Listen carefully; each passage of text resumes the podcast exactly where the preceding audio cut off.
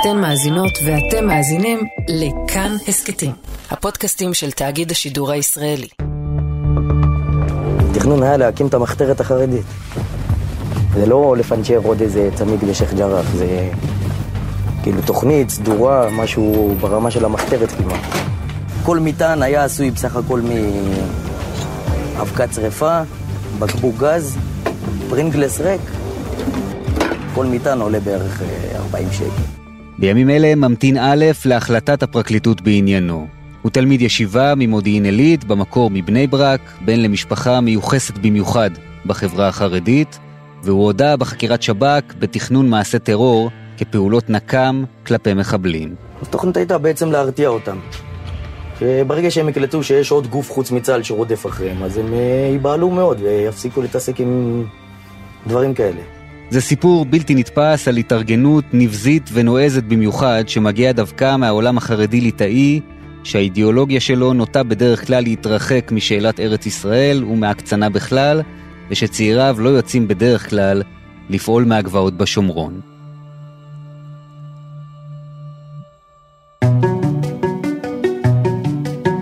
היי, hey, כאן חן ביאר ואתם על עוד יום, ההסכת החדשותי של כאן. הפעם עם כתבנו עקיבא וייס, שחשף את הפרשה הבלתי נתפסת הזאת, והוא ייקח אותנו אל מסע מאחורי הקלעים של הרעיון המטלטל הזה עם א', אל הווידוי של תלמיד הישיבה שחצה את כל הקווים, יזם, תכנן, וגם כמעט כמעט הצליח להוציא לפועל. נדבר איתו וננסה להבין מה מקרה הקיצון הזה אומר על החיבור החרדי לשאלת ארץ ישראל, ומה זה אומר על התמורות שחלות בקרב הדור הצעיר יותר בחברה החרדית.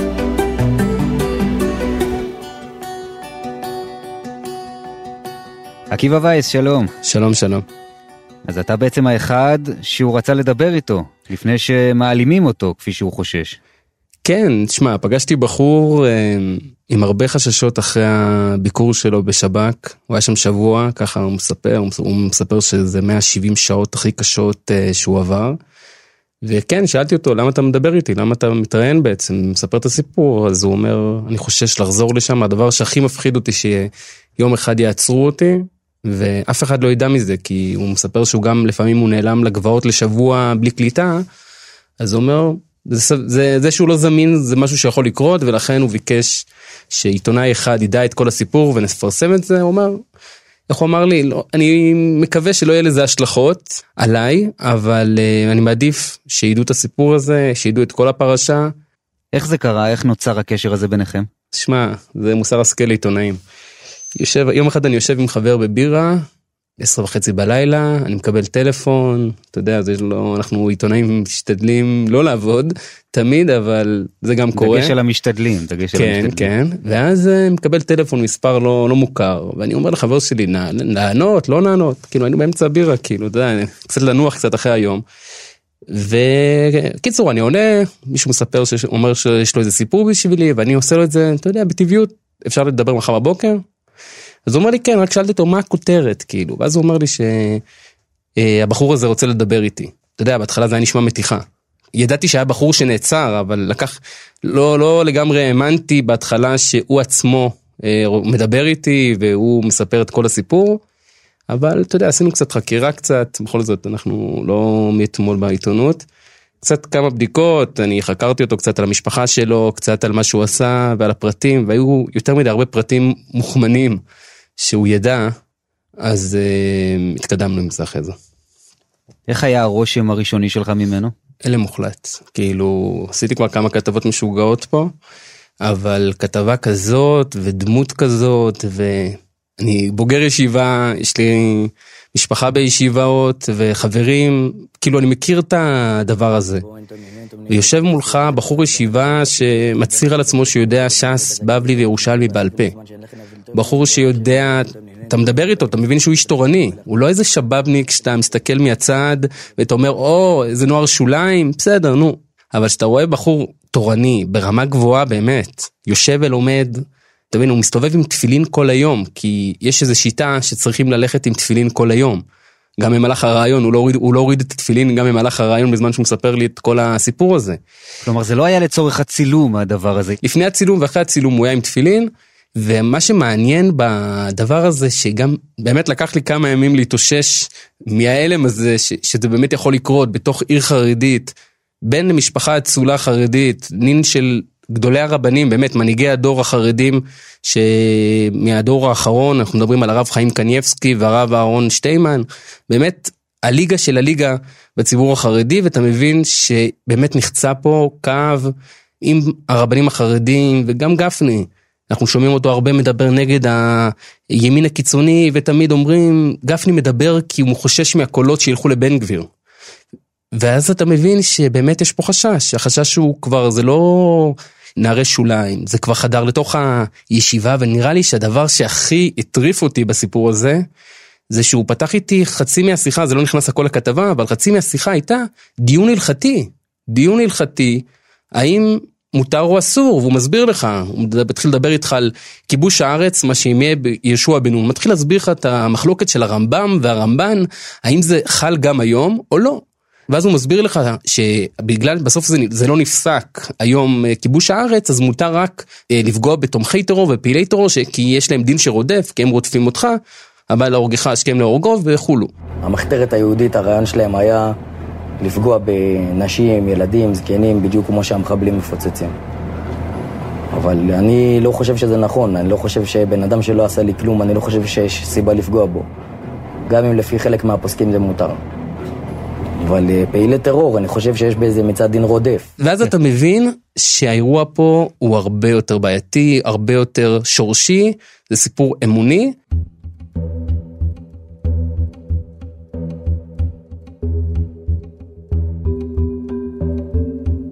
אני צופה בשיחה ביניכם, ומצד אחד באמת הוא מדבר על חרטה, וגם אומר לך שהוא מבין שהמעשים שהוא עשה לא תואמים את האידיאולוגיה היהודית בכלל, עזוב את החרדית, אידיאולוגיה יהודית זה דבר שהוא רחוק ממנה מאוד. ומצד שני הוא עדיין מדבר על דין עודף, ועדיין נראה שהוא באמת מאמין בדבר הזה, הוא אומר, יש הצדקה לעשות מעשים מהסוג הזה. הוא אומר שיש הצדקה, אבל אני כן חושב שהשבוע בשב"כ אה, עשה לו איזה סוויץ' בראש, לדעתי הוא כן הבין, ככה לפחות הוא שידר, שהוא הבין יותר את החומרה של המעשים, הוא הבין יותר את החומרה של התוצאות שיכולות להיות. תשמע, זה להיכנס לתוך פנימייה של ישיבה במודיעין עילית, לתוך החדר שלו. זה חדר שלא לא מבייש שום מעבדה. כל הרצפה שם מלוכלך, שחור, מרוח מדברים. כמו שאתה רואה פה את הכתם השחור הזה, זה בעצם היה המטען הראשון, התפוצץ לי בידיים. זרקתי אותו מהחדר והוא התפוצץ פה. פה יש לך, אתה מבין, יש לו, יש לו על השולחן, שם יש לו שם אבן, מכוסה עם נייר כסף, ואז הוא מסביר לי שהוא היה צריך אה, פחמים, עניינים, לגרד אותם, להוציא אותם. עכשיו הוא מסביר לך, הוא מדבר איתך מושגים של חומר נפץ בכתבה כדי... אה, אנחנו קצת אה, לא רצינו לתת רעיונות לאנשים, אז קיצצנו גם מה שנכנס, אני שקיבלנו ביקורות, למה אנחנו נותנים הוראות איך מכינים דברים כאלה, קיצצנו הרבה מאוד. הבן אדם הזה יורד איתך ברמה, רמה של הרזולו, איך מכינים זה ואיך החומר הזה, אתה צריך... דברים הזויים. היה מונח לי בראש כל מיני פרטים, וניסיתי אותם. פעם קראתי שאבקת שרפה צריכה 75% פחמן, פעם קראתי שפינג פונג עשוי מניטרוגליצרין, ניסיתי הכל. ואז הוא נכנס בטבעיות לבית מדרש ופותח גמרא ומתחיל ללמוד. אני קצת יודע לזהות אנשים שפותחים גמרא ומשחקים משחק. הוא מחובר לזה, הוא מאמין בזה. הוא מספר גם על קבוצות בתוך ישיבות חרדיות, מיינסטרימיות, שהם חברים שלו, הם מאמינים חלקם בדרך שלו, ואני חושב שזה הסיפור פה, שאנחנו רואים בחורי ישיבות אה, בתקופה האחרונה, וזה כבר בשנים האחרונות כבר, שיש להם איזה חיבור לארץ ישראל. זה החיים שלי. תורת ישראל, עם ישראל, ארץ ישראל. מבחינתי מה שעשיתי היה מסירות נפש בשביל ארץ ישראל. ראינו גם לא לאחרונה חרדים שהקימו מאחז. עכשיו זה לא, שוב, אתה רואה שם את הבחורי ישיבות האלה, והוא מספר לך שיש את הבחורי ישיבות בבני ברק שהולכים עם תפילין כל היום כמוהו. חלקם הגדול גם אה, מאמין באידיאולוגיה שלו. וברגע שאתה רואה את התמונה הכוללת הזאת, אתה מבין שיש פה איזה בעיה בתוך הציבור החרדי, בתוך הישיבות החרדיות. אם הרבנים עד היום נלחמו באינטרנט ונלחמו בדברים אחרים, יש להם פה סיפור שמתחבא להם מתחת לשולחן, אה, סיפור אידיאולוגי, שזה הדבר שהכי מפחיד, שצעירים חרדים שהם לוקחים את הדמיון שלהם ואת אה, חלום שלהם, וגם הם רואים בזה משהו טוב, איך הוא אמר לי, אני, אני ראיתי בזה שמסרתי מסירות נפש למען ארץ ישראל. זה טיעון שאני אומר, בישיבות החרדיות לא היו ונלחמו בזה כל השנים, וכאן אתה רואה שיש פה פרצה שלא ברור, אני לא יודע מה ההשלכות יהיו על זה, אבל מהשיחות שאני, היה לי עם כמה מנהלי ישיבות, עם אה, אנשים שמטפלים בבחורים, חלקם אמרו לי, כן, אנחנו לצערנו הרב, אנחנו מכירים את התופעה שהולכת ומתגברת של אה, הקצנה לכיוון הימין, מכיוון הלכתי, לא מכיוון נוער שוליים שהולכים אחרי אה, בן גביר בהפגנות, אבל חלקם היו ממש מופתעים לגמרי, כאילו, הלם מוחלט, הלם מוחלט שדבר כזה קורה בתוך חדר בישיבה, ואם לא השב"כ עוצר אותו, אז היינו פה אחרי כמה אירועים.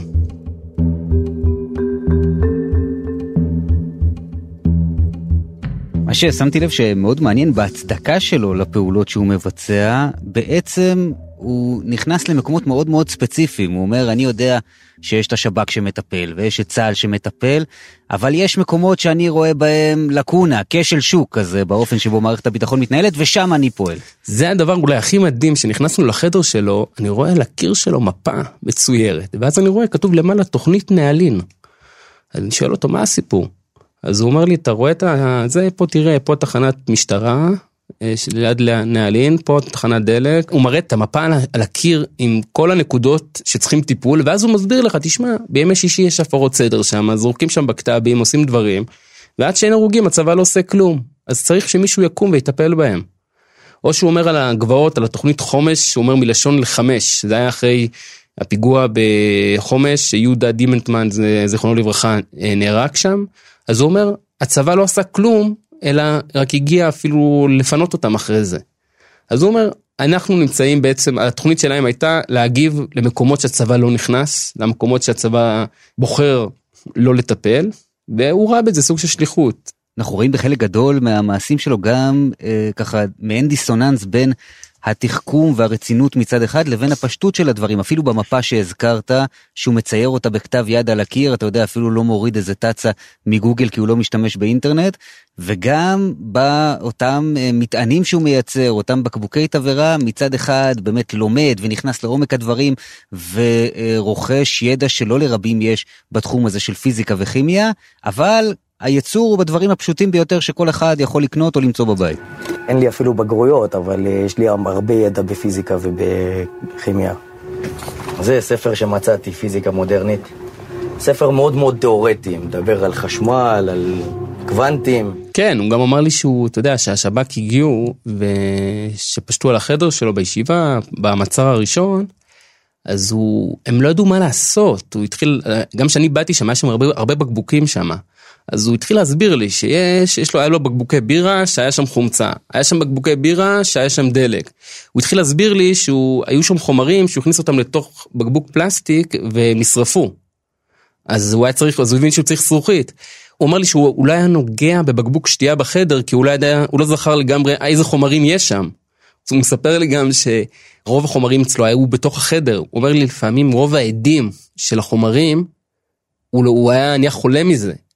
תשמע, אני ראיתי דברים משוגעים בחיים, אבל דבר כזה באמת כאילו, ברמת התחכום והפשטות, הוא אומר, אתה יודע, אתה יכול לקנות הכל בטמבו ובסופר. כאילו, היה לי חומרים שמספיקים לייצר בערך 50 קילו. אתה מוסיף לזה מים, זה מתפוצץ. אתה סוגר אותו בתוך בקבוק, יש לך רימון הלם. פה ממלאים את החומר נפץ מסביב. זהו, שמים פתיל, מדליקים, זורקים. שאתה מבין שהחומרים כל כך פשוטים ורק והחומרים פשוטים שקלים להשגה ועם בחור שיש לו קצת יותר מדי שכל וקצת יותר מדי אומץ אז אתה יכול להגיע למקומות אחרים הוא גם מספר גם שרוב הדברים הוא היה עושה בלילה. הוא אומר לי בשעות הלילה בזמן שרוב הבחורים יושנים.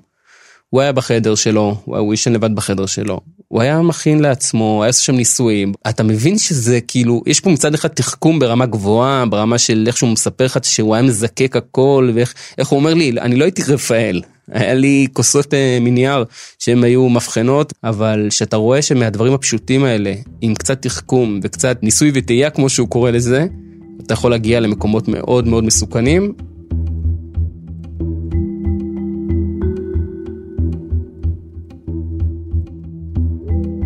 בסופו של דבר הוא עושה את הצעד אחד יותר מדי, ונתפס בעצם כשהוא מנסה אה, לרכוש נשק של ממש. הוא הסביר לך למה הוא בחר לעשות את זה? כי הוא דווקא היה מאוד מודע לעניין של השב"כ ולאפשרות שהוא ייתפס, הוא אפילו אומר לך, אני לא עירבתי אנשים מנוער הגבוהות, כי ידעתי שאותם השב"כ מחפש, ובחור חרדי כמוני, בי פחות יחשדו.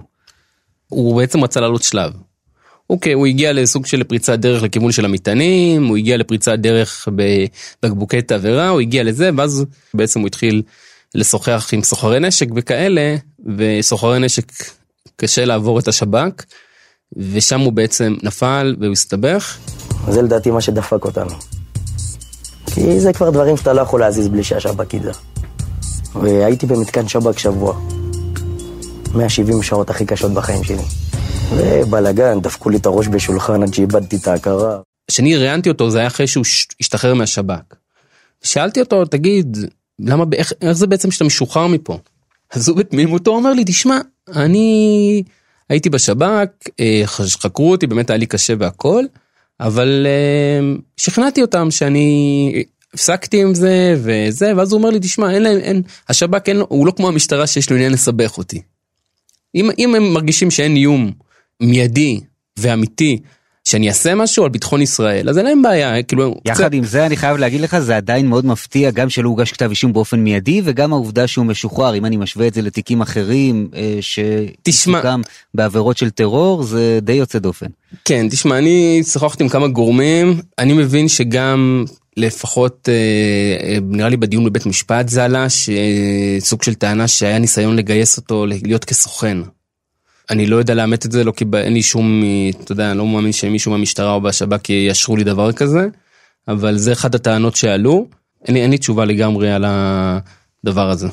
התוכנית הייתה בסופו של דבר ליצור אה, מעין מאגרי נשק בגבעות ביהודה ושומרון. מה הוא התכוון לעשות עם הנשק הזה ומה מנע ממנו להוציא אל הפועל עד כה כל מיני פעולות עם מה שהוא כבר הצליח לייצר? הוא, התוכנית שלו היה שיהיה בכל גבעה יהיה כמה אה, מטענים, כמה אה, חומרים שיהיו נגישים וניידים אה, לפעולה.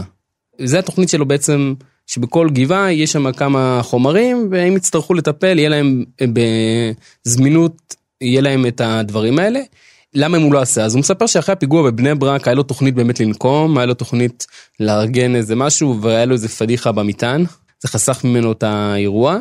ובהמשך הרעיון היה לו, הוא אומר ששבוע לפני המעצר שלו בשב"כ, היה לו עוד איזה פריצת דרך בעוד איזה סוג של מטען, והשב"כ עלה לו על הראש. מצד אחד אפשר להבין גם את השב"כ, לא נראה לי שהשב"כ חשב שבתוך ישיבות חרדיות מתנהל חגיגה כזאת. השב"כ בדרך כלל מכיר את האזורים היותר אה, בגבעות או באזורים יותר של הימין הקיצוני, פחות בישיבות החרדיות. אם הוא לא היה נעצר, לפי מה שהוא מספר, לפי התוכניות שלו, הדבר הזה היה נגמר רע. אני חושב שעצרו את זה בדקה ה-90.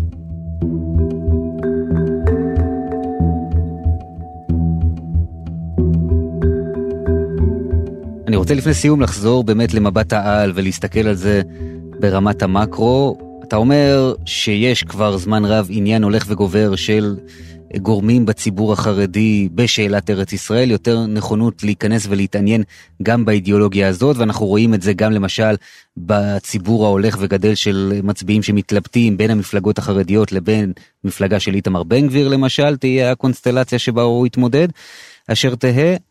זה באמת תופעה שאתה חושב שאנחנו הולכים לחוות ולהיכנס יותר לעומק שלה בשנים הקרובות והאם באמת עם אותם גורמים שאתה משוחח איתם בתוך הציבור החרדי הם מבינים את זה, האם נפל להם האסימון ויהיה להם מענה לעניין הזה. אז בוא נתחיל מהסוף, באמת בציבור החרדי אנחנו רואים את ה... מי שעוקב אחרי העיתון יתד נאמן בחודשים האחרונים, אנחנו רואים מאמרי מערכת תקיפים מאוד נגד הימין הקיצוני, נגד האידיאולוגיה הזאת.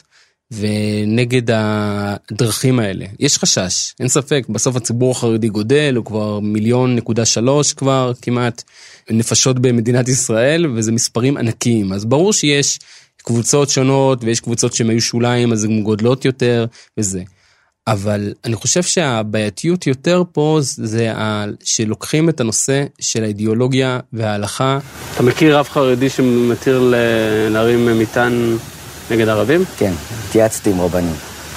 זאת אומרת, הם לא ידעו שזה מה שאני הולך לעשות, אבל בפן ההלכתי התייעצתי איתם, זה מותר עקרונית או לא. אבל אה, כן, יש היום רבנים חרדים שמסתכלים על זה אחרת מפעם. האם זה מגמה שתלך ותעמיק? אני לא יודע אם ברמת הנפץ, ברמה כמו שהוא לקח את זה, אבל אנחנו כן רואים בציבור החרדי קבוצות שנמשכות הרבה יותר לכיוון הימין הקיצוני, וזה, אני אתן לך אנקדוטה מעניינת, אני אומר לו כאילו שדיברתי איתו על האידיאולוגיה ועל האם זה דרך של סבא שלו והכל, אז הוא אומר לי אנשים חושבים שאני מצביע לבן גביר. לא, אני מצביע ליהדות התורה. הרבנים שלי אמרו לי להצביע ליהדות התורה, ככה הוא אומר. ואז הוא מוסיף שלא רק שהם אה, מצביע ליהדות התורה, הוא אומר, אנשים קוראים לי חרד"ל, אה, אה, חרדי לאומי, או, או כל הכינויים האלה. ואז הוא אומר, אני, אני לא פחות חרדי ממכם. אולי אותו דבר, אבל לא פחות. כאילו, אל, אל תיקחו אותי, זה שלקחתי את הצד של הימין הקיצוני והכל, זה לא אומר שאני פחות חרדי. הוא, מבחינתו, זה ארץ ישראל, זה נושא אה, שצריך לטפל בו, זה נושא חשוב. הוא מבחינתו רואה בארץ ישראל, הוא מדגיש ארץ ישראל ולא מדינת ישראל. הוא אומר, הוא אומר, הוא אומר לי, ברור שעדיף שיהודים שולטים פה אה, מתקופת הבריטים והטורקים, אבל מבחינת אה, אידיאולוגיה, ברור שארץ ישראל זה הסיפור. ואם הישיבות החרדיות וראשי הישיבות לא יתעוררו בזמן, הסיפור הזה יכול לצאת מהגבולות, כי אני מזכיר לך שבכתבה הוא מספר שחבר שלו, שותף שלו, שהתעסק עם הדברים האלה, שנעצר גם, הוא נעצר בבני ברק, באחד הישיבות הכי מיינסטריות והכי חשובות בבני ברק. זאת אומרת, הם ידעו שאני בקשר עם עוד בחור ישיבה חרדי, זהו, אחרי כמה שעות באו לעצור אותו בישיבה. ממש כמו מחבל, הגיעו ימ"מ, חמש בבוקר, כיתרו את הישיבה שלו. ושאתה מבין את הבעייתיות שזה חדר כבר לתוך הישיבות החרדיות ולמיינסטרים, ואחד הבעיות שיש גם בישיבות שלא תמיד ראשי הישיבות יודעים מה כל הבחורים עושים, אז uh, כאן זה בעייתי, ואני חושב שגם בשב"כ uh, יפתחו על זה עיניים יותר, על הדבר הזה.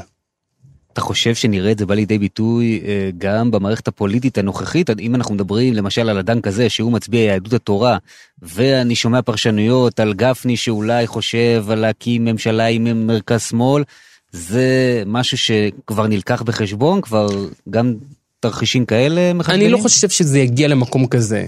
למרות שהליטאים, אתה יודע, בנושא של אה, הימין הקיצוני, הליטאים לא, לא הייתי שם אותם באותו מקום של הימין הקיצוני, ממש לא, הרב שך, אתה יודע, הרב שך אמר לאנשים לא לקנות אה, דירות במודיעין עילית, כי זה התנחלות, כן? אז שתבין כאילו, אתה, לאן הידרדרנו פה. אבל אני כן חושב שזה זה מגיע מהדור הצעיר, זה מגיע ממקומות ש... שאנשים נחשפים לדברים חדשים ומגיע רעיונות. עכשיו, האם גפני ילך עם השמאל בגלל זה? לא נראה לי. אבל אתה יודע, יש, אין הרבה עיתונים נראה לי שתוקפים את הימין הקיצוני באופן מיוחד. אם תיקח את העיתונים שתוקפים הכי הרבה נראה לי את הימין הקיצוני זה יתד נאמן והארץ. זה באמת, בציבור הליטאי באמת רואים בימין הקיצוני משהו בעייתי. הרבנים, אבל... הרבנים רואים בזה משהו בעייתי ומנסים כל הזמן להעביר את זה במאמרי מערכת, בכתבות ובכל הדברים האלה. אבל אתה יודע, הציבור גודל. השאלה שלי אבל, השאלה שלי האם הפוליטיקאים החרדים שחשבו שהם יכולים ללכת עם הצד הזה וללכת עם הצד הזה ולהיות לשון מאזניים, פתאום מסתכלים על הדור הצעיר של הבוחרים שלהם ואומרים, טוב, זו חיה אידיאולוגית אחרת ממה שהכרנו עד עכשיו. אתה שואל אותי האם אחרי הבחירות יהיה לגפני אופציה להקים ממשלה עם נתניהו וגנץ ולהשאיר את בן גביר בחוץ, הוא לא, הוא לא יבכה על זה בלילה. בוא נשים את זה ככה בעדינות. אם יהיה לו אופציה שהדברים המסורתיים והדתיים יישארו במדינה פה ויהיה לו איזה סוג של סטטוס קוו ובן גביר יהיה בחוץ, אני מזכיר לך שב-2009 אה, נתניהו הקים את הממשלה והוא השאיר את אה, אז היה בן ארי וכצל'ה, הם היו האיחוד הלאומי, שהוא השאיר אותם בחוץ למרות שהבטיח להם 20 פעם שיכניס אותם והוא העדיף לקחת את ברק. והחרדים זרמו עם זה כי בסוף הציבור החרדי הוא לא קיצוני הציבור החרדי הוא מתקרב ל... יש לו קשר יותר לימין מהשמאל כי יותר יותר אנשים מסורתיים נמצאים במקום הימני מהשמאל וגם המפלגות היותר ימניות מייצגים יותר אנשים מסורתיים שהמכנה המשותף הוא הרבה יותר רחב. התגובות שאני קיבלתי אחרי הכתבה הזאת מחברי כנסת חרדים ממנהלי ישיבות מרבנים אתה יודע, אתה שומע את ה... אני אמר, אתה יודע, מישהו מתקשר אליי אתמול, איזה מנהל של איזה ישיבה, ואני אומר לו, הלו, מה נשמע, מה קורה? ואז הוא עושה לי כזה הנחה כזאת, כאילו, איי איי איי איי איי, מה ראיתי עכשיו? מה, מה, מה ראיתי עכשיו? מה זה יכול להיות אצלי בישיבה גם? זה מפחיד. קיבלתי איזה מייל של איזה אבא שיש לו כמה ילדים בישיבות, ויש לו איזה בן אחד שהתחיל אה, גם לטייל קצת בגבעות, והוא אומר לי, כאילו, תגיד לי מה אני יכול לעשות? מה אני יכול לעשות? והבן שלי הוא... הוא לא איזה בן אדם שהוא הפסיק ללמוד, זה לא איזה בן אדם שאתה אומר, אוקיי, עזב את הישיבה והלך לרחובות וזה. הוא, הוא, הוא, הוא לומד איתי חברותה, אבל הוא גם הולך לשם, כי הוא לא רואה בזה בעייתיות. אבל uh, אם הציבור החרדי ובפרט המנהיגים לא ייקחו את המושכות לידיים וישימו לזה ברקס, התופעה הזאת תלך ותגדל, כי יש פה מקום אידיאולוגי, ובמקום שיש אידיאולוגיה, והרבה זמן ושעמום, והרבה אנרגיות, וגם במקרה שלנו גם הרבה שכל, אז זה יכול להגיע למקומות מסוכנים, אבל אם אנחנו נסכם את הכל, הרוב הציבור החרדי לא נמצא שם. רוב הציבור החרדי אה, מתנגד לאלימות ולטרור הזה. בסוף יש, אתה יודע, יש תכשיטים בכל מגזר.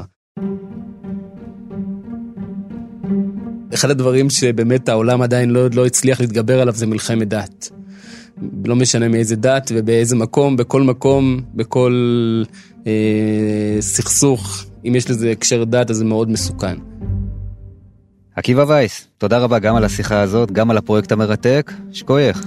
שקויר גדול, ובוא נקווה שלא נעסוק עוד בסיפורים מסוג אלה, אבל שוב, אם בחורי ישיבות שומעים אותנו ומכירים אה, דברים כאלה, מוזמנים לשתף, אנחנו תמיד מקשיבים ולא שופטים. עד כאן הפרק הזה של עוד יום, יותם רוזנבלד ונועה אקסינר ערכו, רחל רפאלי על עיצוב הקול והמיקס, אריאל מור על הביצוע הטכני. אם היה לכם מעניין, יש הרבה דברים שאפשר לעשות, אפשר לשתף את הפרק, אם אתם מאזינים לנו בספוטיפיי או באפל פודקאסט, אפשר גם לדרג אותנו, דירוג גבוה כמובן, ואם יש לכם הערות על מה שאמרנו, אפשר לכתוב גם בקבוצת כאן הסכתים בפייסבוק, ואפשר גם אליי באופן אישי, חפשו חן ביאר בפייסבוק או בטוויטר. פרקים חדשים של עוד יום עולים בימים ראשון, שלישי וחמישי. את כולם וגם הסכתים נוספים מבית כאן אפשר למצוא באתר שלנו או באפליקציית הפודקאסטים האהובה עליכם. אני חן ביאר, נשתמע.